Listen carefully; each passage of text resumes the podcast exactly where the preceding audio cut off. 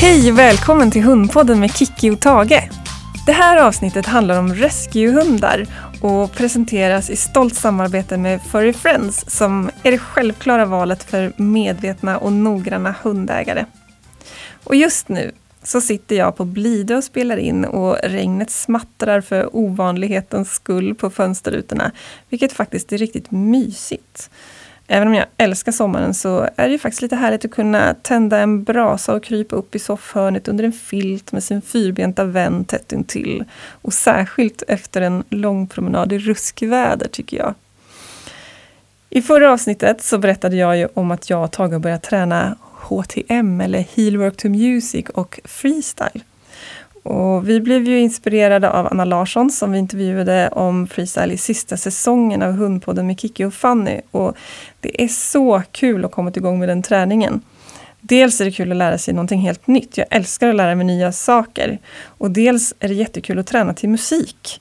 Jag märker att jag blir lite både mer peppig och mer avslappnad av det och det smittar direkt av sig på Tage som, som blir liksom gladare och mer, mer lättsam i träningen också. Så, så om ni inte har testat det här så kan jag varmt rekommendera att göra det. Så gå in och lyssna på avsnittet om freestyle med Anna Larsson.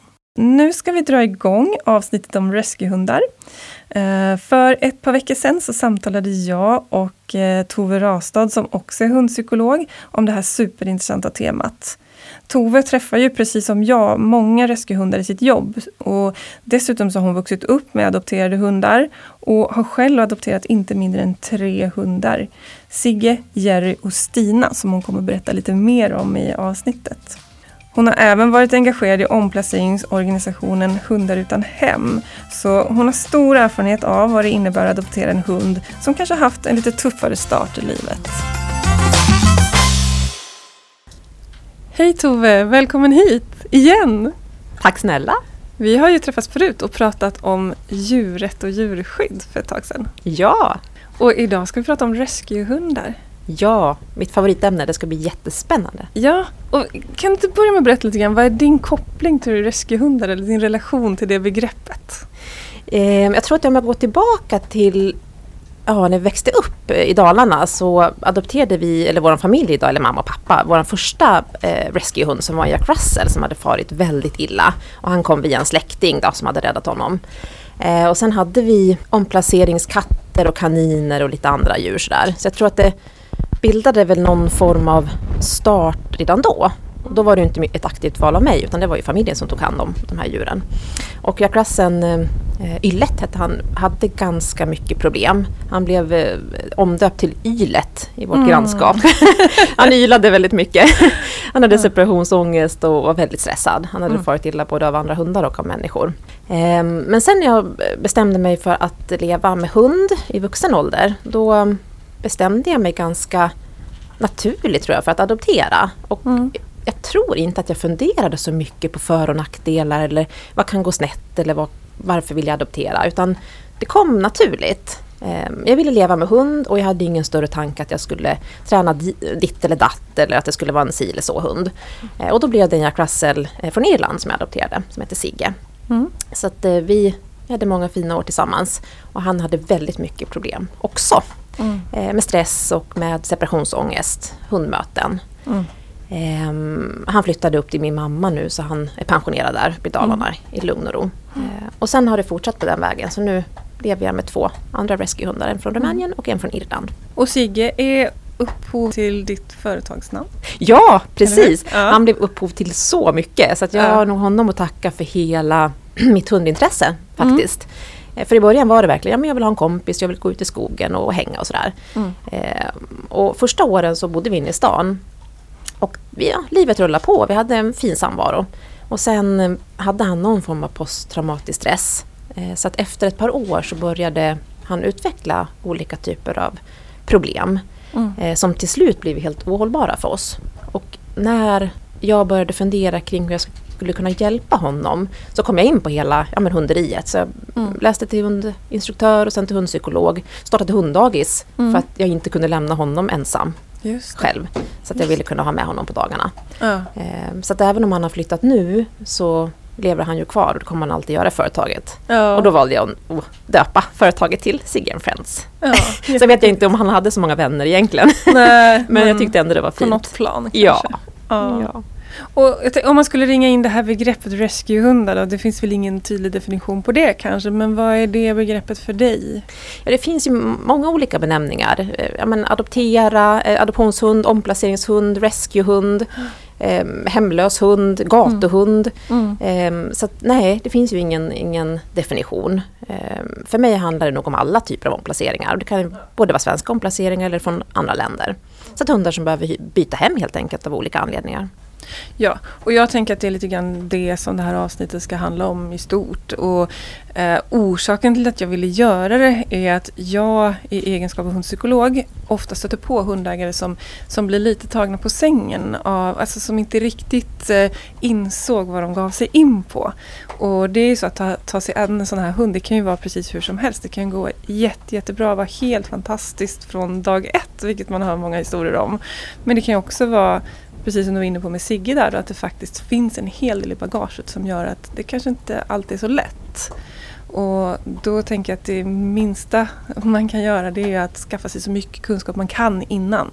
Och då tänkte jag att du och jag kan dela med oss av våra erfarenheter och förhoppningsvis så kan det hjälpa någon att eh, både fatta beslut om ifall man vill adoptera eller inte och kanske överhuvudtaget om man ska ha en hund i sitt liv eller inte för det är inte alla som har möjligheten heller.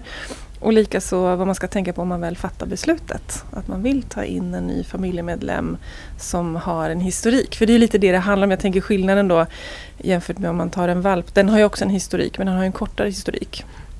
Och oftast har man mer koll på vad den har varit med om innan. Ja, Nej, men det tror jag är jätteklokt. Och jag tror att det här samtalet behöver man ju ha med sig själv och man behöver kolla med andra och man behöver verkligen fundera igenom. Mm. Eh, och jag är ju verkligen ett praktexempel på att jag gjorde inte det.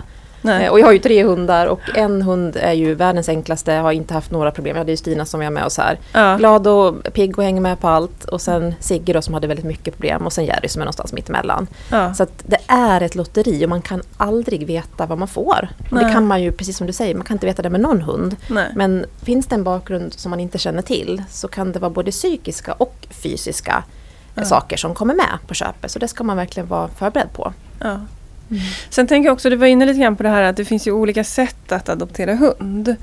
Eh, dels så finns det ju organisationer som, som man kan gå via och där gissar jag att det också finns finns mer eller mindre seriösa organisationer som, som tar sitt jobb på stort eller litet ansvar. Och, eh, det finns ju också, vi har ju alltid från smuggelhundar och Mm. vad, hur, hur vet man där tänker jag eh, vad som är rätt väg att gå. Det kan ju också vara, jag har en kompis som, som själv tog hem en hund som hon hittade utomlands Mm. eh, och som inte hade det bra och som där hunden mer eller mindre adopterade henne och Mm. så kan det också gå. Mm. Men vad, vad ska man tänka på där? Vilken väg kan man välja?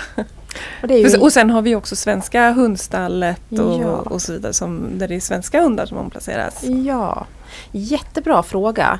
Eh, och här ska man ju vara väldigt noga med att skilja på eh, illegal smuggling av, och då är det ju oftast valpar och då är det oftast Mm. ras, rashundar. Mm. Eh, och i och med Corona nu så har man ju tyvärr sett en ökad Ja, man har en ökad efterfrågan på, på valpar och olika raser. Mm. Och då ökar den här illegala insmugglingen. Och det är ju fruktansvärt för hundarna. Mm. Och de hundarna kommer ju ofta från hemska förhållanden. Mm. Alltså att valparna har, ja, valparnas mamma då, eller Mm. tiken har farit jätteilla och sitter bara och föder kull efter kull efter kull. Mm. Och då kan man inte vara säker på olika papper och sådär.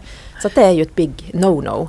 Ja men och det där kan ju också påverka hur valpens hela liv blir för att eh, där finns det ju massor av studier som visar att hur tiken mår och om hon utsätts för stress så påverkar det valpens framtida liv och stresskänslighet och Mm. likaså hur valpen har det första tiden i livet och det kan man ju anta att den inte heller har det så bra då. Nej men verkligen. Och där, är ju, där har ju alla valpar skulle jag säga ett, ett stort trauma som Mm. kommer påverka. Vi har, Mm. vi har en granne som, som tog sig an en fralla som antagligen har kommit in på fel väg till Sverige. Som Mm. är otroligt rädd för både människor och hundar. Och, sådär. Så att det är ju någonting verkligen man ska undvika. Och där tror Mm. jag de flesta som kanske köper en, en eh, uppfödd valp, man ska säga, eh, har bra koll på att man, man vill ju såklart se att det är en seriös uppfödare. Man ska träffa Mm. föräldrarna och man ska kunna åka hem Mm. och se. Och man köper ju inte en valp från bakluckan eller blocket Nej. såklart. Mm. Så att det är ju ett sätt då, den illegala smugglingen. Mm. Och ofta så... Men för, föregår det ingen illegal smuggling av äldre hundar? Jag tänker att kan det finnas organisationer, rescueorganisationer som också har det som en drivkraft att sko sig på det ekonomiskt? Eller är det alltid, upplever du, ett hjärta som ligger bakom de här organisationerna? Ja, och det är ju svårt att, att säga. Min upplevelse, jag har jobbat för en organisation som jobbar med Irland. Mm. Hundar utan hem. Ja, Mm. precis, Hundar utan hem. Och där var jag ju kontaktperson för rescue-centrarna på Irland. Mm. Ett gäng av de större. Och där var det ingen, det kan jag säga med 100 procent, där var det Mm. ingen av dem ehm, som på något sätt, de kämpade ju ekonomiskt. De Mm. hade ju vikt hela sitt liv att Mm. hjälpa de här hundarna. Mm. Eh, och där var ju priset då för att adoptera en hund täckte ju i princip kostnader och veterinärbesök och Mm. besiktning och sådär. Sen är det såklart att det, det finns säkert. Mm. Det gäller ju naturligtvis när man väljer, om man nu bestämmer sig för att adoptera, så går man ju inte den här illegala vägen såklart. Eh, och väljer man då, eller börjar man fundera på organisation, så ska man ju naturligtvis ta reda på men hur jobbar den här organisationen? Mm. Och kanske kika på någon av dem som är lite större och väletablerade. Mm. Eh, ja men ring och prata, kolla på hemsidan. Eh, ofta så står det ju vilka rescue center i landet som de jobbar med. Googla Mm. på dem och kika vad är det för verksamhet. Eh, så att man verkligen säkerställer att det går eh, rätt till. Så det är ju det andra sättet då, att gå via en, en organisation. Och vi har ju ett par i Sverige som jobbar väldigt seriöst. Mm. Sen vågar inte jag säga på om det finns eh, organisationer som faktiskt gör det här för att tjäna pengar. Nej, när man pratar om det här så, så är man emot adoption så hör man ju ofta det argumentet. Mm. Ja men de gör det bara för att tjäna pengar och så vidare. Och min gissning är ju att i så fall så handlar det mer om de här puppy farms Mm. där man faktiskt föder upp rashundar. Eh, För att en äldre omplaceringshund, ja, De är inte lika lätt placerade nej, kanske? Det finns, och det går ju inte att ta lika mycket betalt. Nej. Sen är det ju svårt att säga då hur andra länder jobbar. Mm. Ehm, Men man får ju göra så gott man kan och säkerställa att det är en seriös eh, organisation. Ja. Och sen är ju det här tredje sättet då, som, som du pratade om, att man faktiskt hittar en hund som man faller för. Mm. Eh, och det har vi ju lite olika solskenshistorier och kanske också historier där det inte har gått så bra. Mm. Och då måste man ju själv säkerställa då att man, ja vi har ju den här kända hunden Arthur. Arthur. Ja. eh, och då eh, antar jag, jag har ju inte erfarenhet av det själv, men att man själv då måste säkerställa att man har rätt papper och Ja. vaccinationer och, och allt vad det är. Ja, men vi har ju väldigt eh, hårda regelverk i Europa Mm. och bra kontroller. Så att, ja. Samtidigt så kommer det ju larm också nu om att det kommer fler hundar som kommer in på fel väg. Så Mm. det är ju svårt att veta exakt hur situationen ser ut. Mm. Eh, Men enligt min erfarenhet, då enligt mitt arbete I alla fall här, de organisationer som du har Ja, erfarenhet av ja. så, så är det inte vinstdrivande syfte utan där är det Så genuint. Så även om det skulle kunna existera så tror jag inte att det är majoriteten. Utan Nej. jag tror att de allra flesta gör det här som eldsjälar och verkligen Mm. vill hjälpa de här hundarna. Mm. Och det är, när man har sett det på nära håll, Mm. då är det mycket lättare att förstå situationen. Mm. För det finns extremt många hundar i Europa som far jätteilla. Mm. Och det kan ju vara hundar som har olika problem och farit illa av olika anledningar. Och sen är det hundar som är jättefina, ja, men som Stina. De satt Mm. ju på, hade en dag innan hon ska avlivas. Slit och släng, eh, whippet. Mm.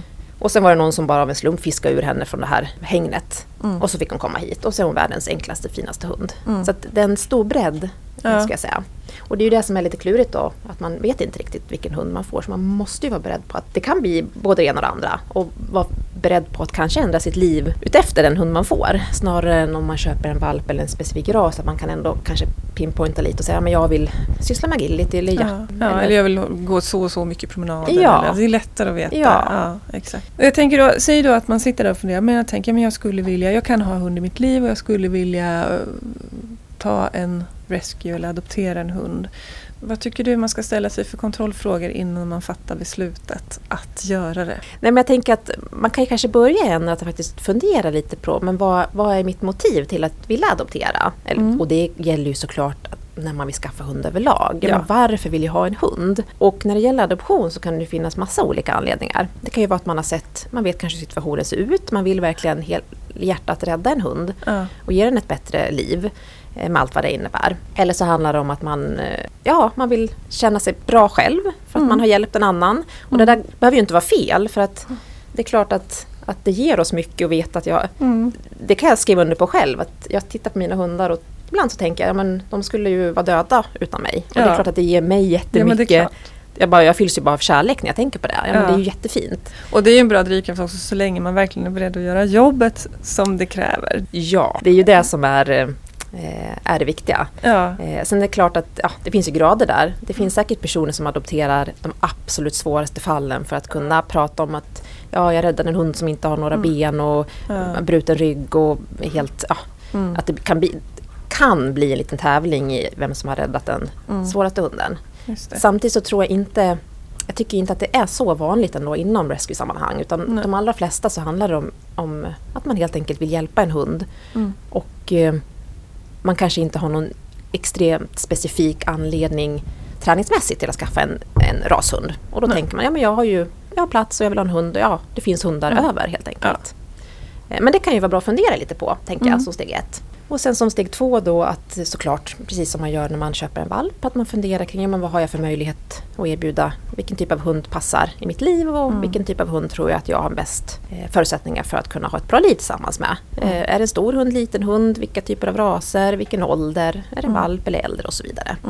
Mm. Och det finns ju jättefina historier om kanske äldre pensionärer som räddar en äldre hund som får ett Mm. par fina år och, Mm. och så vidare. Eller så vill jag ha en valp som jag kan följa från, från start Mm. och då kanske jag ska ta mig an en valp.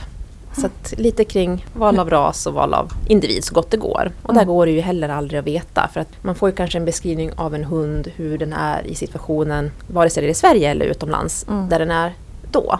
På hundstallet eller på Irland eller vad det nu må vara. Mm. Och det behöver ju inte betyda att hunden kommer vara på samma sätt när den kommer till mig. Nej. Så det gäller ju att vara jättemedveten om. Och sen tänker jag i steg tre då att man funderar, ja, men på vilket sätt vill jag adoptera? Om man har Mm. kommit till det beslutet. Eh, är det en, en svensk omplacering, ja men då har vi ju hundstallet. Eh, och det finns ju även omplaceringar via ja, men privata aktörer, via Mm. Blocket och så vidare. Mm. Eller vill jag ta mig an en hund från något annat land? Eh, och då kanske man ska kika lite på Ja, men det är ganska olika hundar. Irland till exempel, där är ju mycket vanliga sällskapshundar. Medan Mm. Rumänien kanske är ju mer Mycket vinthundar i Irland va? Ja. Ja. Och det är ju tyvärr så att att där är det ju vissa raser då som blir slit och släng. Så mycket Mm. vinthundar, mycket terriers och mycket border collies och border collie blandningar. Mm. Och ofta är ju vinthundarna och border colliesarna, funkar de inte för vallning eller för springning eller jakt så slängs de ut. Mm. Och då kan de ju vara jättefina hundar ändå. Nu hör vi lite här från vovarna. De har legat och smaskat på ben här hela tiden kanske ni hört. Och nu har Tages ben tagit slut så han sitter och spanar på Stina som fortfarande har kvar. Och små, han småfnyser lite. Han tittar gärna- anklagande på mig nu kan jag säga. Tage, ditt ben är slut. Du åt fortare än Stina. Innan vi fortsätter vill jag passa på att berätta om min samarbetspartner Furry Friends som inte bara erbjuder bra produkter utan som också har väldigt fina och bra värderingar och gillar att ge tillbaka till de hundar som kanske inte alltid har det så lätt. Just på agendan Rescuehundar så har Furry Friends just nu världens härligaste kampanj igång tillsammans med organisationen Hundar utan hem. Här ber vi dig om hjälp då du kan göra stor skillnad. För varje ny Instagram-följare som Furry Friends får fram till den 1 oktober så kommer de donera en måltid foder. Och förra gången de hade den här kampanjen i juni så samlades det ihop drygt 3600 måltider. Och det här gör ju otroligt stor skillnad. Om du redan följer Furry Friends, då kan du tipsa andra om att dela deras inlägg så kan vi tillsammans göra skillnad och hjälpa hundar i nöd. En annan sak som jag tänker på det är också att fundera lite grann på vad man själv känner man har för resurser för att Mm. ta sig an den här hunden. Allt ifrån tid, det tar ju väldigt mycket tid. I början kanske man inte kan lämna dem ensam överhuvudtaget. Mm. Eller kanske kan vi nog stryka. I Mm. början kan man inte lämna dem ensam överhuvudtaget. Mm. Jag hör ibland folk som säger att de tar en vuxen hund för att de tänker att det är lättare än att ta en valp och Mm. att man inte blir lika bunden första tiden. Mm. Men det kan man nog släppa, den tanken. För att ofta så har de ju varit med om både en, en jobbig, tuff resa och man vet inte vad de har i bagaget. Så att det, det kan bli minst lika utmanande som att ha en valp i hemmet skulle jag säga. Ja, och jag tror att faktiskt man kan nästan tänka tvärtom. Att tar man sig an en äldre omplacering så finns det ju än mer bagage. Och då ska jag faktiskt tänka att man behöver ännu mer tid än kanske Mm. en valp. Mm. Så att, eh, och där gjorde jag ju felet med Sigge när jag adopterade honom. Men precis som du sa, att jag tänkte att ja, men det är en vuxen hund, han klarar sig. Mm. Och jag minns ju med fasa hur jag eh, tror jag första veckan lämnade honom och gick och jobbade några timmar. Eh, utan att tänka mer på det. Jag tänkte ja men ja, han klarar sig väl. Mm. Och det gjorde han ju ett tag. Och sen Mm. utvecklade han ju den här separationsångesten eh, på sikt. Som jag tror hade mycket att göra med att jag lämnade honom för tidigt. Och jag tror att just, det finns ju några specifika saker som faktiskt många omplaceringshundar får med sig. Och separationsångest är ju tyvärr en av dem. Mm. Vilket inte är konstigt. Nej. Med tanke på ja, men tidiga trauman, eh, vem vet hur de haft som valpar. Mm. Eh, de kan ju ha blivit lämnade bara hipp som happ. Och kanske bytt hem också en eller flera gånger. Mm. Så att där bör man verkligen tänka på att ha tid i början. Eh, och kanske till och med mer än om man skulle köpa en valp. Eh, jätte, jätteviktigt. Mm. Sen tänker jag också rent ekonomiskt att man vet ju heller inte rent fysiskt hur hunden går, mår. Man kanske måste gå till veterinären med den och eh, behandlingar och grejer som, som kan kosta på. Även om det är klart att de har väl någon slags koll på det när de kommer från rescuecentret. Men jag tänker att det, den risken finns ju alltid även med valpar. Men att man också har de ekonomiska medel som krävs. Det tror jag är jätteviktigt och- just den här delen tror jag att man ska prata mer om och fundera mer kring. För jag tror att det här just psykiska saker har de flesta ganska stor förståelse för att hundarna kan ha med sig olika saker. Och de flesta som adopterar är ju väldigt villiga att och vilja hjälpa sin hund. Vi ser ju både du och jag och flera andra hundpsykologer och instruktörer att många kommer och vill ta hjälp Mm. och vill satsa på att Mm. faktiskt få hjälp för olika problem. Mm. Men det här fysiska, det mm, blir man ofta kanske, eh, jag ska inte säga man, ja jag har själv varit med om det, att det faktiskt kommer lite mer som en chock. Mm. Och det är ju inte heller konstigt om man tänker att hundarna har blivit hårdhänt behandlade, de Mm. kanske inte har fått bra mat, de har inte fått bra motion. Mm. Så att många hundar kommer ju tyvärr med olika saker. Mm. Och eh, jag kan ju bara tala för organisationen jag jobbade för och där fick ju hundarna en, en genomgång av en veterinär och ett intyg. Mm. Det har båda mina, alla mina tre omplaceringar, det är ju från olika, olika ställen då. Men, men det är ju en utvändig koll så att säga. Så att Ja. de klämmer och känner och sådär. Och det är ju veterinärer i andra länder som kanske inte jobbar exakt som svenska veterinärer. Nej. Så att jag tycker absolut man ska vara förberedd på att det kan komma fysiska saker och det kan ju, behöver ju inte vara precis när hunden kommer, det kan ju komma när de Mm. kommer upp i åldrarna. Och sen tycker jag att man ska lägga extra resurser på att gå till en veterinär när hunden kommer till Sverige. Kanske Mm. inte direkt utan man kanske gör det efter ett par månader eller ett halvår. Mm. Eh, ta hunden till en bra fysioterapeut som får känna Mm. igenom. För det kan finnas eh, olika saker som den här besiktningen inte har sett. Mm. Man ska vara jätteberedd på att tänderna kan vara Mm. mer eller mindre dåligt skick. Mm. Så att eh, Sigge som jag adopterade först, han fick, eller han hade problem både med höfter, knän och rygg. Mm. Så där la vi mycket tid och pengar på olika typer av rehabilitering med laser och vattentrask och sådär. Han har fortfarande kvar en del. Eh, Jerry har inte haft något fysiskt förutom att jag behöver göra rent tänderna. Men det Mm. kan man ju behöva göra även med vanliga hundar så att säga. Ja. Eh, Och Stina har lite känningar i ryggen så att vi går på rehabiliteringsträning nu. Så Mm. det ska man vara Mm. noga med. Ja. Eller och vara förberedd på både ekonomiskt, tidsmässigt Mm. och kanske också lite kring om man väljer att träna med sin hund. Mm. Vi kör ju till exempel agility tycker vi är jättekul. Och så har vi upptäckt det här lite med ryggen. Men då måste vi vara försiktiga. Mm. Och hade jag velat haft en agility champion, ja men då kanske jag bör gå en annan väg. Mm. Eh, Om det är verkligen det som är det viktiga för mig. Nu Ja. är det inte det för min, för min del. Ja, det är ju också så att man får ju inte tävla mm, Nej. alla hundsporter om inte hunden har en stamtavla. Så är det. Ja, och när det gäller det här ekonomiska kanske man också ska ta lite höjd för att gå till en hundpsykolog eller motsvarande för att få hjälp med även beteendemässiga grejer om man stöter på sådana. Ja. Och gå några kurser och visst har du en Absolut. kurs för rescuehundar? Ja, jag Ja. har ju sett, jag tänker vi, vi har ju båda träffat många på privatträningar och Mm. jag ser ju det på, på vanliga vardagslydnadskurser att det kan vara lite klurigare om man har en vuxen omplacering och det har jag ju själv känt flera gånger när jag har gått kurs med Stina att ja, men man kanske inte har samma grund som man kan skapa med en valp. När man börjar med olika typer av träningar direkt när valpen kommer. Och man, Mm. sådär. Får man en vuxen hund på ett, två, tre eller äl- ännu äldre, ja men då måste man ju börja om nästan som att man har en valp fast Mm. man har en vuxen hund. Och då kan man ju känna sig lite dum om man är i sammanhang där folk har kommit längre. Ja. Ehm, så då, då tänkte jag faktiskt att ja, nu ska jag ordna en kurs där, man, där det bara är adopterade Mm. hundar, både från Sverige och från andra länder. Ja. Så att man verkligen är i ett sammanhang där man kanske känner sig trygg med att man, man Ja. kanske inte har samma grund. Mm. Och man kan dela lite erfarenheter. Man kan dela erfarenheter. Och man kan lägga lite mer tid på att prata kring olika problem som kan uppstå. Så det ska bli jättespännande. Så det är premiär här i oktober. Och kursen blev full direkt. Så det var Kul. jättekul. Ja. Så det kommer fler. ja, men det är bra. Ja. Härligt. Ja, men vad kan man mer behöva då om man ska skaffa sig? Alltså en är ju rätt uppenbar och det är den här kärleken till hunden. Men det är väl å andra sidan skulle man väl kanske inte ens tänka tanken. Men, men eh, den är ju den viktigaste komponenten. Att man verkligen, verkligen vill det här och brinner för den här hunden man får till sig såklart. Men eh, sen räcker det inte bara med kärlek utan man behöver ju ha tid och pengar och engagemang och kunskap tänker jag också. Eh, en annan bra sak kan ju också vara att ha stöd från folk i sin omgivning. Inte därmed sagt att det inte går att skaffa en rescuehund eller hund överhuvudtaget på helt egen hand. Men det hjälper ju om man har folk i sin omgivning och särskilt kanske då med de här hundarna som du säger ofta har separationsångest och kanske också är lite miljökänsliga. Så att det är svårt att ta mm. med dem och det är svårt att lämna dem ensamma och då kan man ju bli väldigt, väldigt bunden om man är ensam om mm. hunden. Ja, men det tror jag är en jättebra idé att tänka att man har ett skyddsnät. Och mm. jag vet när jag adopterade levde jag ju ensam och hade mm. min familj uppe i Dalarna och sådär. Mm. Så att, ehm, och det, då får man ju vrida och vända och anpassa sitt liv utefter eh, hundarna. Så att jag tror att en anpassningsförmåga är bra att ha när man adopterar. Ja. Att man är villig att istället för att tänka att hunden bara ska anpassa sig till mig och mitt liv, mm. att man får tänka lite att det är åt båda håll. Mm. Och det tycker jag mig se när det gäller omplacering då, en av orsakerna till att det inte funkar är ju ofta miljön som hunden mm. hamnar i. Mm.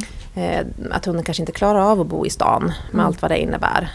Eh, eller inte klarar av att bo på landet, det finns ju de mm. hundarna också. Ja. Eh, och, och, där kan det ju vara bra att ha en insikt redan innan så att man faktiskt har funderat igenom lite, ja, men vad gör jag om det inte funkar? Mm.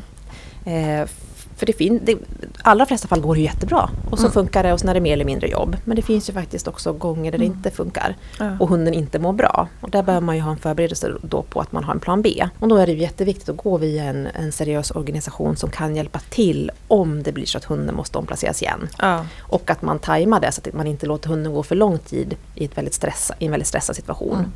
Eh, och det kan ju vara svårt att avgöra för att man behöver lägga ja. tid på att få det att funka. Ja. Man behöver också se, att det här funkar inte, hunden mår inte bra. Och då måste man ju ta ifrån sig sin egen känsla av att det här är min hund, jag vill hjälpa den här hunden, jag vill ha kvar den här hunden. Och se då till hundens bästa och det är ju inte så lätt. Nej, Nej för, för det är ju ingen lätt fråga för det är också så här, de har ju redan flyttat omkring en del så helst ska de ju inte flytta fler gånger. Nej. Men å andra sidan om förutsättningarna visar sig inte finnas då kommer det inte hjälpa att den är kvar heller. Då Nej. man den inte. Och sen kan det också svårt. vara så att, att man adopterar en hund och sen har man hunden sedan tidigare och det inte funkar.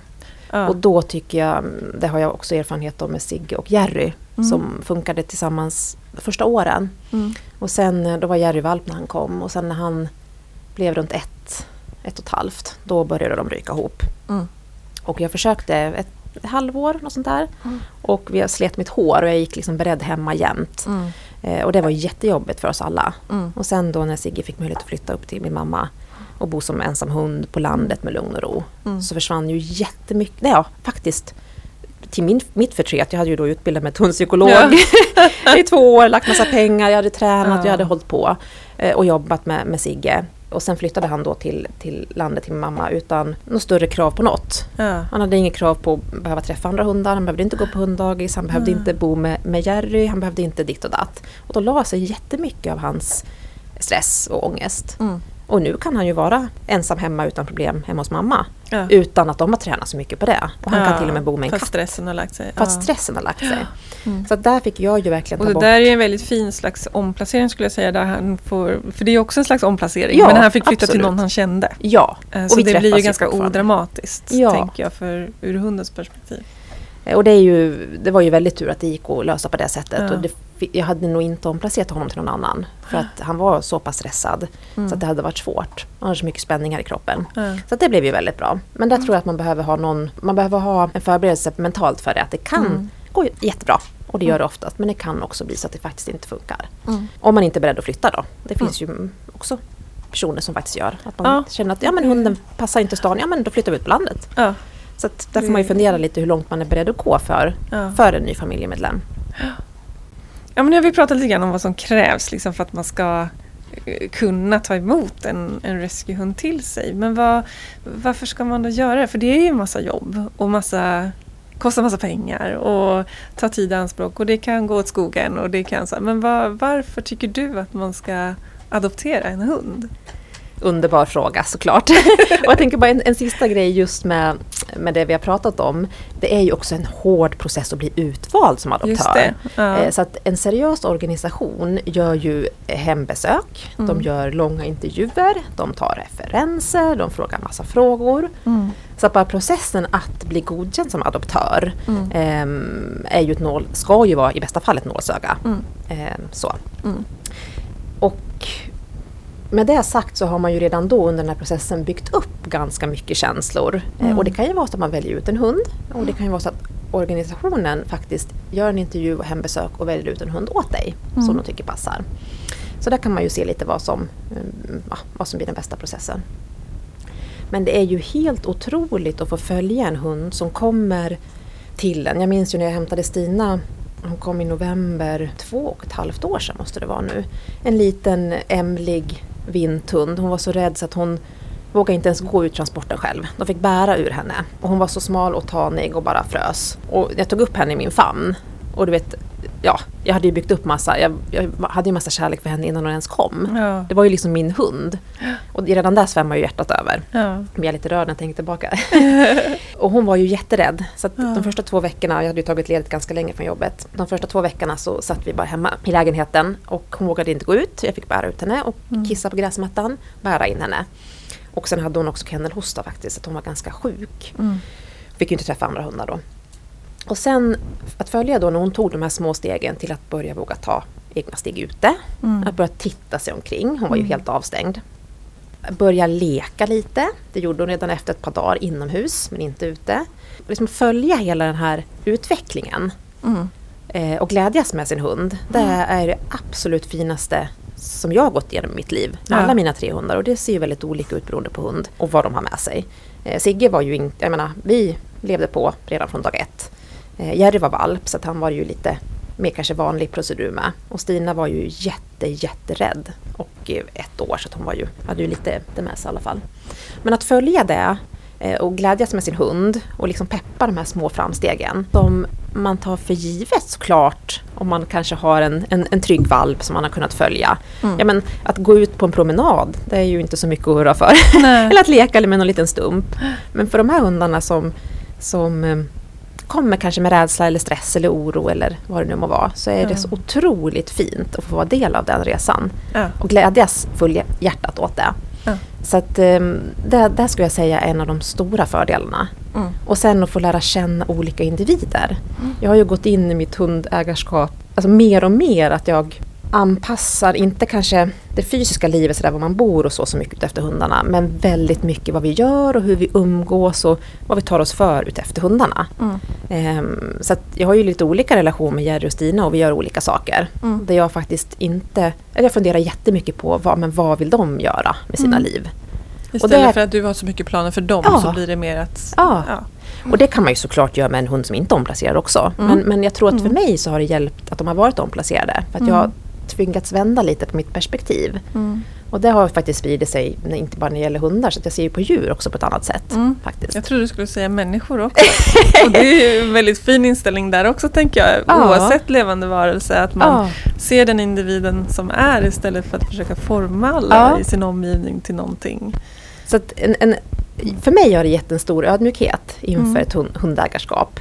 Eh, och djurs kapacitet såklart att förlåta och gå vidare. Mm. Det är ju helt otroligt. Ja. Så att, ja, nej, det har varit fint. Mm. Och sen tror jag att jag låter dem... Jag vill verkligen att de ska få vara egna personer och egna Mm. individer. Mm. Ehm, och det vet jag inte så mycket om det har just att göra med adoption eller inte. Det kan ju även gälla eh, andra hundar såklart. Så det är en, en, stor lycka att få vara med om det i Ja. livet. och sen är det också en gemenskap tycker jag i eh, adoptionskretsar. Att man, Ja. det jag, jag tycker just det. överlag att det är väldigt kloka personer som adopterar. Och det Ja. går ju inte att prata för alla, men jag tycker överlag. De som jag träffar i mitt arbete, de som jag träffar eh, när jag och Stina är ute. Jag menar man träffar adopterade hundar här och var och direkt så har man något gemensamt. Man kan börja prata och man jämför erfarenheter. Jag tycker ofta att det är ödmjuka, kloka personer som vill väl. Eh, så det är också fint att få vara en del av det. Mm. Och sen såklart veta att man, man gör en skillnad för hundarna eh, i de här ställena, eller de här länderna där de har det tufft. Mm. Och det är klart att det är ju... Man kan argumentera för att man ska hjälpa hundarna på plats. Mm. Och eh, jag tänker i Rumänien och Spanien och Grekland och de här ställena där det faktiskt finns gathundar. Mm. Att det då är tokigt att adoptera att man stödjer ett system. Men här tänker jag att det gäller att kunna ha två tankar i huvudet samtidigt. Mm. Man kan göra både och. För att ja. det är klart att vi måste förändra systemet. Och i de allra bästa världar skulle inte ens finnas Eh, finnas hundar som blir över och avlivas på löpande band. Så jag tänker att det är viktigt att man, man kan ha två tankar i huvudet samtidigt där. Mm. Och jag skänker jättegärna pengar och stöttar organisationer på plats i de här länderna. För det är viktigt och vi behöver kastrera, vi behöver utbilda och så vidare. Mm. Men vi behöver samtidigt ta hand om de här individerna som, som blir över i mm. de här systemen som faktiskt inte fungerar.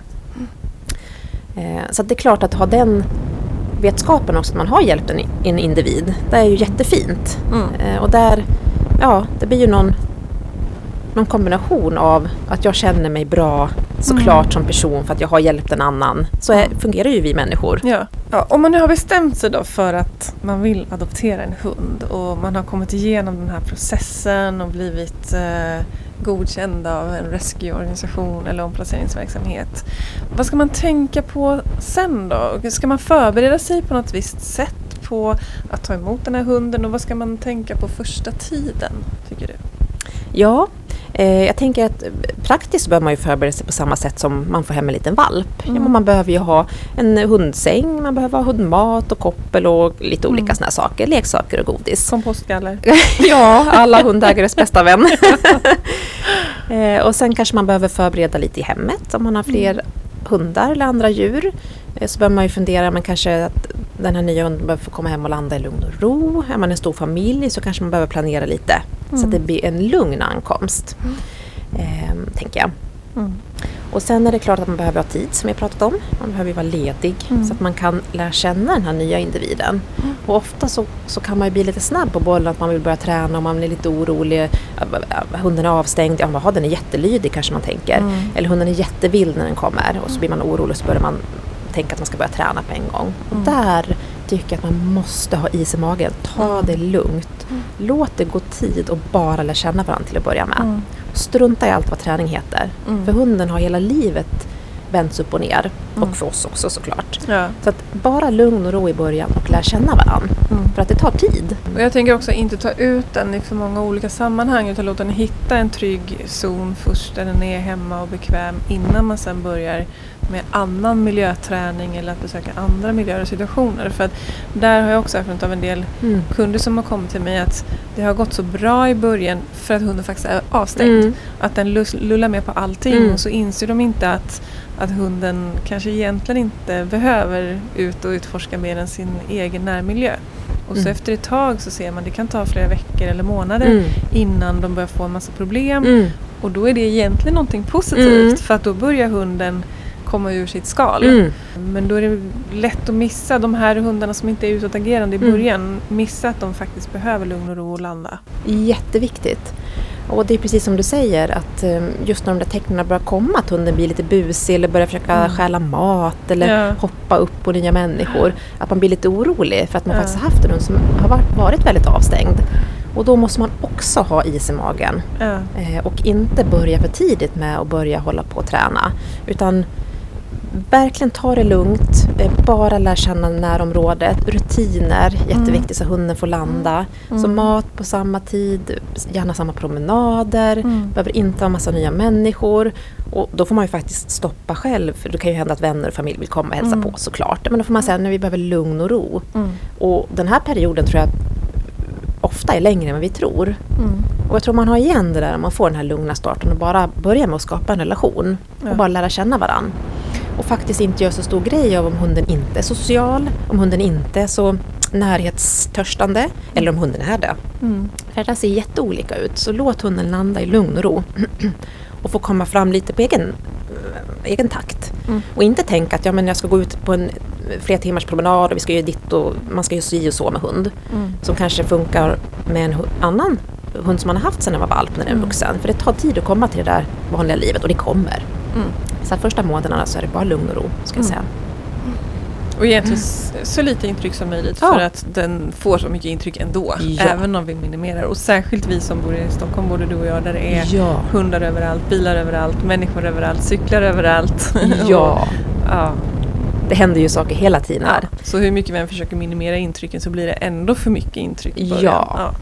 Och sen kan det ju hända att hunden har, den kanske är undernärd eh, Mm. eller för tjock Ja. eller har jättedålig kondition. Alltså det kan ju finnas fysiska Mm. saker man måste ta hänsyn till som man behöver eh, börja kika på. Mm. Eh, Så att väldigt lugn, lugn och ro och inte lämna hunden. Nej. Inte lämna hunden för tidigt ensam. Nej. Jätteviktigt så att den får en, en trygg, eh, en trygg start. Mm. Man kan fundera lite kring vad hunden har ätit. Man kanske kan, att det inte blir en, en stor eh, skillnad i fodret. Mm. Så kanske successivt gå över om man vill ge någonting annat. Och sådär. Mm. Många hundar eh, kan ju vara dåliga i magen när de kommer. Stressad resa. Ehm, Det kan ju finnas en kennelhosta då, som Stina hade till exempel som man måste ta hänsyn till. Och då är det ju bara att och anpassa sig efter det och Mm. försöka ta det lugnt. Mm. Och annars tycker jag att man ska leva på som vanligt och passa på att kanske ta lite lugnare i sitt eget liv under den tiden. Mm. Det är ju ett perfekt tillfälle för en själv också. Ja, stressdetox Ja. även för oss. Men när vet man när det är dags då att börja liksom träna? Och jag tänker på till exempel det här med ensamhetsträningen som du sa kan vara ett problem med en Mm. del eh, rescuehundar eller adoptionshundar. Mm. Hur vet man när man kan börja ta tag i det? Ja, och det är ju klurigt att säga si eller så för att det blir ju jätteberoende på individ. Ja. Och kanske på det livet man lever också. Och man kan ju börja med att fundera, men vad kommer jag på sikt, hur mycket kommer jag behöva lämna? Eller hur mycket vill jag lämna min hund? Mm. Personligen så har jag ju ändrat åsikt väldigt mycket i den här frågan. Där jag med Sigge och, och kanske tidigare tänkte att ja, men en hund ska klara att vara själv för att jag måste kunna jobba eller jag måste göra si och så. Mm. Till att jag nu verkligen min, vill minimera tiden för att jag känner med hela min kropp när jag känner efter att det är väldigt onaturligt för hundarna att vara själva mycket. Ja. Och då har du ändå två. Ja, Ja. Mm. så att eh, där får man ju fundera lite och faktiskt känna efter. Och sen ska man ju ha i åtanke tycker jag att, att vara själv mycket är inte bra för någon hund. Hundarna är flockdjur och de vill vara med oss. Mm. Sen är det klart att man kan, de allra flesta hundar kan lära sig att vara ensamma Mm. en eller ett par timmar. Och Ja. det kanske man behöver också i sitt liv för att kunna få Mm. det att gå ihop. Ibland kan jag också uppleva att, att om hunden är kanske lite miljökänslig så kan det vara skönt för dem. Alltså om man står och väljer mellan att ta Mm. med hunden i en stökig miljö eller att lämna den ensam och den är trygg med det så kan det vara Ja. en fördel att den faktiskt är ensam. Ja, Eh, även om jag håller helt och hållet med att det är inget självändamål utan tvärtom att de ska ju helst ha sällskap hela tiden. ja. Nej, men det tror jag är jätteklokt att fundera lite och kanske ha någon målsättning. Mm. Och sen eh, precis som i ensamträning med valp, ja, man kan ju egentligen tänka på samma sätt. Ja, Mm. men det är ju det här med korta stunder, Mm. komma tillbaka till hunden innan de har blivit otrygga eller stressade. Mm. Och tidsmässigt är det ju svårt men jag tycker att man ska vänta definitivt till den här första tiden där de allra flesta hundar är mer eller mindre avstängda. Mm. Eh, Så att man inte börjar då och Nej, tänker att hunden är så lugn. Utan att man väntar till hunden kanske har kommit till den här, den här lilla busiga fasen som Mm. där de börjar ta för sig lite mer som kanske i de flesta fall kommer efter ett par månader. Mm. Så hellre vänta lite för länge skulle jag säga, Mm. gå på det för snabbt. Mm. Och sen korta, korta stunder. Mm. Kanske börja hemmet med kompostgaller, vara i olika rum. Mm. Eh, ge någon kong eller någonting gott som man får slicka på eller gnaga på. Och sen Mm. gå ut i korta eh, stunder. Och har man en annan eh, trygg hund i hemmet så har man ju mycket vinning av det Mm. såklart. Ja. Eh, Och man kanske också behöver tänka på att för hunden, beroende på var den kommer ifrån, så blir det ju en extrem, ofta en extrem trygghet med en, den här första personen. De knyter ofta an Ja. till... Och, och en. ofta så ser man ju att det blir kvinnan i familjen. Mm. Eh, de allra flesta hundarna, om de har farit illa, så har det ju varit män inblandade. Så att Mm. många kan ju vara lite rädda då för män i familjen. Mm. Och då måste man också tänka på att ta det väldigt varsamt och inte Mm. tvinga hunden till någonting. Utan låt det komma. Mm. Eh, Och kanske rädsla för barn också beroende på vad man har varit med om. Mm.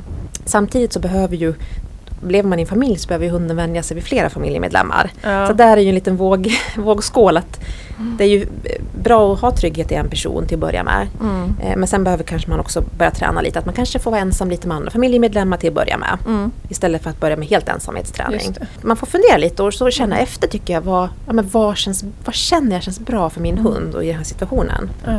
Där tror jag man kommer långt Jag brukar ofta prata om att man ska ta lagom stora steg från nuläget till målet. Sen Ja. vad lagom stora steg det varierar varierar ju men jag tycker definitionsmässigt så kan man säga att det är sådana steg där hunden både beter sig så som vi vill att den ska göra Ja. men framförallt att vi har rätt känsla i hunden. Att den Ja. är lugn och trygg, inte bara lugn och stilla utan Nej. den är verkligen trygg i situationen. Och sen vad det innebär, det kan vara alltifrån att börja med att, alltså det är en slags ensamhetsträning när man själv går på toaletten också Ja, eller absolut. går ut och hämtar ett glas vatten i köket när hunden ligger kvar i soffan. Mm. Och där lägger man ju lite grunden också. Och om hunden alltid tassar efter den, prova att köra ut en näve godis i ett rum och så går du och hämtar ett glas vatten och kommer tillbaka medan hunden fortfarande söker. Mm. Om den inte klarar det, då är du inte redo att börja någon riktig ensamhetsträning tänker jag. Utan, Mm.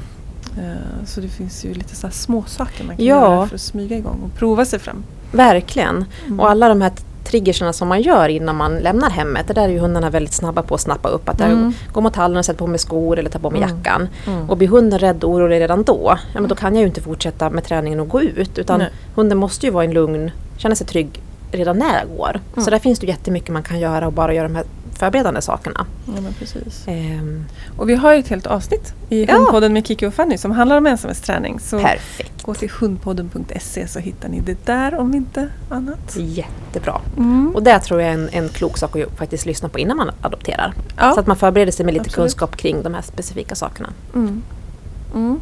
Andra saker som skulle kunna bli utmaningar då, typiskt med rescuehund, skulle du säga? Vi var inne lite på det här med eh, rädsla för män till exempel. Det är väl något jag erfar också från mina kunder som har kommit eh, med utmaningar liksom, med en rescuehund. Då har Mm. det ofta varit inblandat någon form av sociala rädslor. Mm. Rädsla för människor generellt Mm. eller för barn eller för män eller för folk i vissa typer av kläder, Mm. mörka kläder eller eh, vad säger man, så här, orangea klä, signalkläder. Liksom. Mm. Att det kan vara, de kan ha en koppling till troligtvis då dåliga erfarenheter Mm. av någonting som liknar det här. Mm. Ja, och det tror jag är ganska vanligt faktiskt. Jag hade ju Sigge var ju livrädd för alla personer som hade annan hudfärg, Mm. alla tiggare, Mm. eh, sopgubbarna, alla i Mm. arbetskläder Mm. och så vidare. Mm. Och eh, min Jerry var jätterädd för alla män. Mm. Och sen har vi Stina då som inte älskar allt och alla, spelar ingen Ja. roll. Ja. Eh, så att, och det är klart att har, man, har det hänt någonting så är det ofta att det har varit män, det kan ju varit kvinnor också såklart, Mm. eller barn. Och de här arbetskläderna tror jag kan ju kopplas samman med olika typer av kanske hundinfångare eller Mm. arbetare på olika sätt som har hanterat hundarna på Ja. inte så trevliga sätt. Eh, och när det gäller män i familjen så, så är det ju svårt att veta vad hundarna har varit med om. Mm. Och jag tänker att jag tror inte att man ska fundera så jättemycket på och, och grotta in för mycket kring vad som har hänt. För att Nej. man kommer aldrig få reda på det. Däremot ta det väldigt, väldigt försiktigt och Mm. låta det ta tid. Mm. Så är hunden rädd för mannen i familjen, ja men till att börja med, låt hunden vara Mm. helt enkelt. Då får man mm, säga till sin man då eller Ja. så får mannen förstå det att ja, men, låt hunden vara till att börja med och låt Ja. den vänja sig i lugn och ro. Sen kan man ju... Och det där med att låta vara kan ju också vara så. Jag hade en som var väldigt rädd för mannen räckte med att mannen kom in i det rummet hunden var så var den Ah. blev hunden panikslagen och kröp Ah. upp i ett hörn. Och då är ju faktiskt att låta hunden vara att inte ens vara i samma rum ja. i början. ja. Och då kanske, med den hunden och, och hussen så funkade det vara utomhus till exempel. Men Mm. då kunde de gå på, på lagom avstånd. Mm. Matte höll i kopplet men husse gick i, Mm. på, och fantastiskt tålmodig och fin husse så att det Ja, där löste de till slut. Men, men eh, då, det, man kan ju tycka att hunden borde klara att husse Mm. kommer in i vardagsrummet. ja. Men gör den inte det så gör den inte det. Och då måste man börja återigen med ett steg som hunden klarar och är trygg Ja, och det där är klart att det kan ju bli jättetufft för att om man känner då att ja, men jag är i mitt eget hem och den här Mm. hunden är livrädd för mig. Jag har hjälpt den här hunden. Det kan ju vara Mm. Den är rädd för mig som kvinna också. Ja. Eh, men det är ju som du säger, man kan aldrig tvinga den till att ta de här stegen. Nej. Eh, utan då får man helt enkelt, ja, man får helt enkelt börja där hunden är. Sen Ja. finns det ju trick, tricks man kan ta till såklart. Ja, men mm, den här personen som hunden är rädd för kanske kan vara den som ger, alltid ger mat, alltid Mm. ger ben, alltid ger godsaker. Mm. Och kan man inte komma ända fram, ja men då kan man ju ställa ner matskålen och gå ur rummet. Och så får Ja. hunden, den kommer ju ändå se att det är du som ger mat. Ja. Så ta de här stegen där man inte interagerar så mycket. Mm. Eh, är ju ett jättebra sätt att börja. Mm. Och hunden kom, det kommer gå bra. Ja. Och sen tar det mer eller mindre tid. Mm. Så det är ju lätt att drabbas av panik i början och tänka att ja, men gud, kommer alltid vara så här. Vi kommer aldrig kunna umgås som en familj. Hunden kommer alltid vara rädd för mig. Men, men det kommer inte vara det. Utan ta ta det bara lugnt och sitt still i båten och gör de här små sakerna så Mm. kommer det lösa sig. Mm. Ehm, Jag tänker också det är så här, när det gäller historiken som du säger, man vet ju aldrig vad som har hänt och kan aldrig veta riktigt med en rescue. Eh, och min erfarenhet är att det kanske inte alltid måste ha hänt någonting heller negativt. Det kan faktiskt vara illa nog bara att de har bristande socialiseringsträning. Så säg att de aldrig har sett barn Mm. till exempel, då kan de bli rädda för barn. Eller aldrig har sett män, kanske inte lika vanligt då, men jag har Mm. till exempel varit med om hundar då som, där uppfödaren är kvinna och bor på landet. mm, Och eh, hundarna har inte träffat några män. nej. Och så helt plötsligt kommer en annan typ av människa med lite annan kroppshållning, lite annan röst och så Mm. vidare. Och då är det tillräckligt för att de ska bli rädda. Ja, Nej, men det Mm. tror jag det där är jätteviktigt. Och det tror jag, eh, vad jag tror har hänt med min Jerry det är ju att han, han kom när han var två, tre månader. Och då hade han bott med en veterinär i Rumänien och sen hade han bott i ett hundstall med min moster. Bara med massa andra hundar. Och det var väl ungefär det som han hade varit med om och sen då en, en bilresa. Så att han, hundar funkar ju jättebra och med mig funkar det jättebra. Men Mm. allt annat var ju jätte, jätteläskigt. Mm. Eh, inklusive alla män då framförallt. Mm. Och jag tror inte att det hade hänt så mycket. Nej. Utan det var bara en instinkt. För att han hade inte, ja. precis som du beskriver, han hade inte fått träffa några andra. Han hade inte träffat några män under den här viktiga perioden. Eh, och då klart, då, då får man ju börja om på nytt och så får man Mm. introducera. Mm. Och jag tänker det som vi pratade om också, att hunden kan reagera på olika typer av kläder och olika utseenden. Ja, men där får man ju då tänka att man har en liten valp och börja introducera det här under trygga förhållanden. Mm. Så att man, hunden kanske får se en person med paraply där Mm. jag är med och Mm. faktiskt arrangerar en sån situation. Mm. Eller får se en, en person med regnjacka på långt håll och en huva. Så att det inte alltid blir att hunden får de här nya intrycken eh, IRL så att säga, Mm. där jag inte kan styra det. Så att det gång på gång blir en rädsla. Utan att jag faktiskt kan tänka lite preventivt då. Mm. Och då kanske vi är att hunden har varit hemma ett tag hos mig så att vi har någon relation. Ja. Och sen att jag börjar med små olika typer av träningar. Mm. Och då det som jag vet att hunden kommer vara med om. Och bor man i stan så är det en mängd olika situationer. Mm. Så där kan man ju tänka lite smart då. Mm. Man försöker göra det bästa man kan att introducera det lite varligt. En annan sak som är oftast lite annorlunda för de här hundarna det är ju att de ska gå i koppel. Mm. Och så som vi bor så är det också väldigt mycket hundar Mm. i samma område. Vi Mm. lever väldigt tätt här i Stockholm i alla fall. Men det, så är det ju på många andra ställen i landet också. Så det är ju en väldigt annan situation. Särskilt om de har varit liksom gatuhundar och Mm. kunnat parera precis hur långt avstånd de ska ta Mm. och säkert haft bättre koll på okej där borta bor den hunden, där håller jag mig borta. Och här är det vi som styr och vi Mm. har dem fast i koppel. Upplever du också att det kan vara en, en utmaning för de här hundarna? Ja, jag, skulle sig. Ja, jag skulle nästan tippa på att det här är problem nummer ett faktiskt. Mm. Och det här kan ju vara problem för alla hundar med ett, med ett koppel. Men om man vant sig redan från när man varit liten så kan det ju gå lite lättare. Mm. Men det är klart, att komma till en ny plats, sätta sig koppel eller sele då som hindrar viss del av kroppsspråk och sen inte kunna välja hur man tar sig an olika typer av möten. Det blir ju Mm. jättetufft för hundarna. Ja. Så man, ser ju, man kan ju se att det blir utfall och det blir olika typer av rädslor. Eh, och det kan ju hända då att antingen gör hunden ett, ett anfall eller utfall framåt eller att den försöker gå och gömma sig eller att den på olika sätt visar att den tycker att det är obehagligt. Ehm, så det där bör man ju vara medveten om också och kanske Mm. fundera lite kring. Ja men i början kanske, bor jag i stan då kanske jag kan gå där det inte är så mycket hundar ute till Mm. att börja med. Jag kanske kan försöka hålla ut avståndet. Mm. Jag kanske kan eh, kika lite på min hund och se ja, men, vad tror jag att den behöver i den här situationen. Mm. Behöver den att jag ställer mig framför så att den inte behöver fronta den här hunden? Behöver jag Mm. gå ut lite en U-sväng så att vi tar ut lite avstånd? Mm. Och eh, kanske inte tänka att man behöver ha så mycket möten i början. Nej. Hunden behöver få vänja sig vid oss Mm. och kanske någon hundkompis. Men inte Mm. träffa allt och alla. Nej. Om den inte är extremt social då, så att den tycker att det är jättekul. Ja precis, för jag har också haft erfarenhet av hundar som då inte har så mycket erfarenhet av människor tidigare men som Ah. har levt tillsammans med andra hundar på ett bra sätt. Och där en annan hund har varit nyckeln för att få fram den ur sitt skal. Ja. Så det kan ju också vara något att Ja. hitta en hundkompis som den är trygg med om det är, om det är den typen av hund. Det tror jag är ett jättebra eh, tips faktiskt. Att ta med en annan trygg hund som hunden känner Mm. och gå på nya ställen eller gå eh, olika typer av eh, ja, men promenader. Mm. För det är klart att de tittar jättemycket på varandra. Och sen tycker jag att många rescues eller omplaceringar har väldigt bra hundspråk om de får möjlighet att välja själva. Ehm, så att eh, jag ser på mina hundar när de träffar andra omplaceringar så är det ofta jättefina möten. Att de känner av och de tittar och de lyssnar. Så att, eh, mm. Mm. Men då behöver de få göra det på sitt eget, eget sätt. Ja. Och i mitt fall Jerry behöver få vara lös. Då klarar han alla hundmöten. Ja. Är han i koppel då vill han inte ens hälsa så struntar vi i det. Ja. Eh, Medan den här lilla vilden då, Stina, hon kan inte hälsa koppel för att hon blir helt vild. ligger Tage här och visar magen. Vi får lägga upp en bild sen på... Ja. ja, det är lugna avslappnade hundar vi har nu. De sköter sig så bra. ja. Men är det någonting annat som du tycker att det här brukar du ofta stöta på när det gäller just rescuehundar?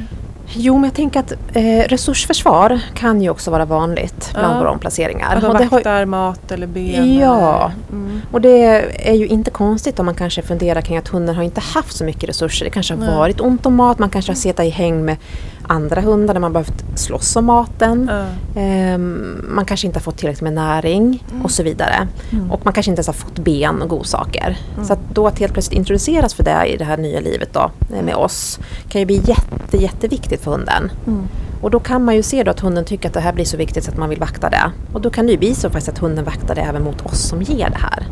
Och det här kan ju då uppmana olika typer av jobbiga känslor i oss. Mm. Att hunden då, man kan ju tänka att hunden är otacksam. Mm. Ja men jag har ju gett det här benet, sitter inte och vaktar det mot mig. Mm. Eller att man känner att hunden litar inte på mig, vad tråkigt och, och så vidare. Mm. Och även, Och man kan få väldigt många tokiga råd skulle jag säga. Ja. Som kan göra saken mycket värre. Att Ja. man inte ska acceptera att hunden morrar och sätta hårt mot hårt. Och det är lite som, som du var inne på där att det kanske handlar om att de inte riktigt litar på att de får behålla sin resurs här och den är så viktig för dem. Mm. Och går vi på dem i det läget då får vi ju knappast mer tillit utan tvärtom så kommer de bli ännu mer osäkra i den här situationen. Mm. Och så har vi fått ännu större problem än vad vi hade innan. Helt rätt. Och det är ju jättetokigt de här gamla råden att man ska rycka matskålen och man ska kunna rycka Mm. benen och sådär. Och det är ju helt fel väg att gå med alla hundar och speciellt med en omplacering. Mm. Så det man ska göra istället är ju dels ja, men ös över hunden olika typer av resurser. Så att Mm. den verkligen har obegränsat av saker så att den känner sig trygg med det. Har man Mm. flera hundar, ja men låt hundarna vara separerade när de får ben, olika Mm. typer av roliga leksaker så att de inte behöver börja bråka om det. Mm. Och morrar hunden över matskålen eller över ett ben, ja men låt hunden vara. Mm. Låt den känna sig trygg att den har de här sakerna. Mm. Eh, men Jerry hade ju stark, och han har fortfarande till viss del ska jag säga, resursförsvar, framförallt mot andra hundar. Mm. Och första två åren så lät jag honom bara helt vara med allt han fick. Mm. Jag bara gav honom och bråkade aldrig. Sen började jag försiktigt leka lite in. Att jag låtsades smyga lite närmare honom. Och då Mm. tittade han och morrade och så backade jag. Mm. Och så smög jag lite och han morrade och sen slängde jag till honom till. Alltså, så att det blev lite som en lek. Ja. Och nu har vi kommit till lite att jag kan bråka med honom lite på skoj. Ja. Men jag tar fortfarande väldigt sällan, det kan vara om jag behöver samla ihop hans leksaker, ja men då Ja. får jag ju ta dem. Så att även där, eh, nu upprepar vi oss ofta, men is i magen. Ja. Och låt hunden ha sina grejer i fred. Ja. Det är ju det enklaste sättet att bli av med resursförsvar. Ja, Och låt den ha tillräckligt med resurser, Mm. helt enkelt. Eh, och har man barn och andra hundar, men då måste man naturligtvis ta till olika typer av, så att det blir säkert för alla. Ja, ja. Exakt. Massor med bra tips och erfarenheter. Jag tänker om man skulle summera upp lite grann då så har vi kommit så långt att vi har enats om att det kan vara tufft att ta sig an en rescue. Det kan kräva mer än bara kärlek. Kärlek är ju grundförutsättningen för att det Mm. ska eh, bli bra. Men du behöver också tid och engagemang och kunskap och pengar och allt möjligt. Men vi har ju också pratat om att det är värt det. Om Ja. man väl tar det steget och har de möjligheterna. Men om du skulle vilja liksom summera ihop dina erfarenheter av både från dina eh, kunder och från dina egna hundar och från din tid med hundar utan hem. Vad en slutkläm på allt det här som har med rescue att göra. Nej men då skulle jag säga välj varsamt organisation eller Mm. ställe du adopterar av. Eh, var beredd på att anpassa dig efter hunden. Mm. Och var beredd på att du får lära dig så otroligt mycket av din hund. Både hundkunskap och Mm. om dig själv. Mm. Eh, och var beredd på en fantastisk resa med din hund. Mm. Att få ta del av hundens utveckling. Att gå Mm. från otrygghet till att få en trygg familjemedlem som älskar livet. Det är Mm. i mina ögon det finaste som man kan göra. Underbart. Tack snälla Tove för att du har varit med och pratat om det här temat. Och om man skulle vilja komma i kontakt med dig, gå kurs eller läsa mer om dig, var, var hittar man dig? Ja, tack för att vi fick vara med. Det var jättekul att prata om det här ämnet. Jag eh, driver ett företag som heter Siggen Friends. Så att Mm. jag har en hemsida som heter siggenfriends.se. Finns Mm. på sociala medier, Facebook och Instagram under samma namn. Och sen så håller jag främst kursen nu på Hundudden i Stockholm ute på Djurgården. Och då kör vi den här omplaceringskursen och eh, nu är den ju fullbokad men om man är intresserad så får man gärna kika lite eh, vad den handlar om och sen skicka ett intresseanmälan så kan vi starta en till kurs. Det låter jättebra. Ja. Lycka till med den kursen. Tack snälla! Innan vi rundar av det här avsnittet så vill jag tipsa om att du kan följa oss på sociala medier. Både jag och Hundpodden finns på Facebook och på Instagram. Sök på Kiki Felstenius och på Hundpodden med Kiki och Tage så hittar du oss. På mitt eget konto så får du följa mig i min vardag som hundpsykolog och jag delar med mig av tips och råd och inspiration. Och på Hundpoddens konto så hittar du bilder på våra gäster, får följa med in bakom kulisserna och en massa annat. Vi har även en webbsida, hundpodden.se, där du hittar information om podden inklusive alla avsnitt och extra material. Tusen tack för att du lyssnar på Hundpodden med Kiki Felstenius och Tage the Beagle. Ha en underbar dag!